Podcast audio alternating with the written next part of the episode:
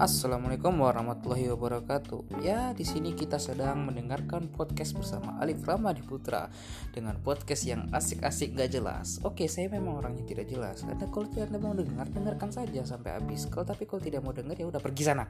Mati nape banting. Oke, oke, kita kembali lagi ke topik awalnya. Jadi sekarang kita ingin membahas tentang hal-hal yang berhubungan dengan lupa. Kenapa kita bisa lupa sih? Lupa ini kan sebuah fenomena yang sering terjadi dan bahkan hal yang biasa. Tetapi mengapa lupa itu sangat identik sekali dengan orang-orang? Nah, apa itu lupa? Nanti kita akan bahas di episode berikutnya. Baru 30 baru beberapa detik ya.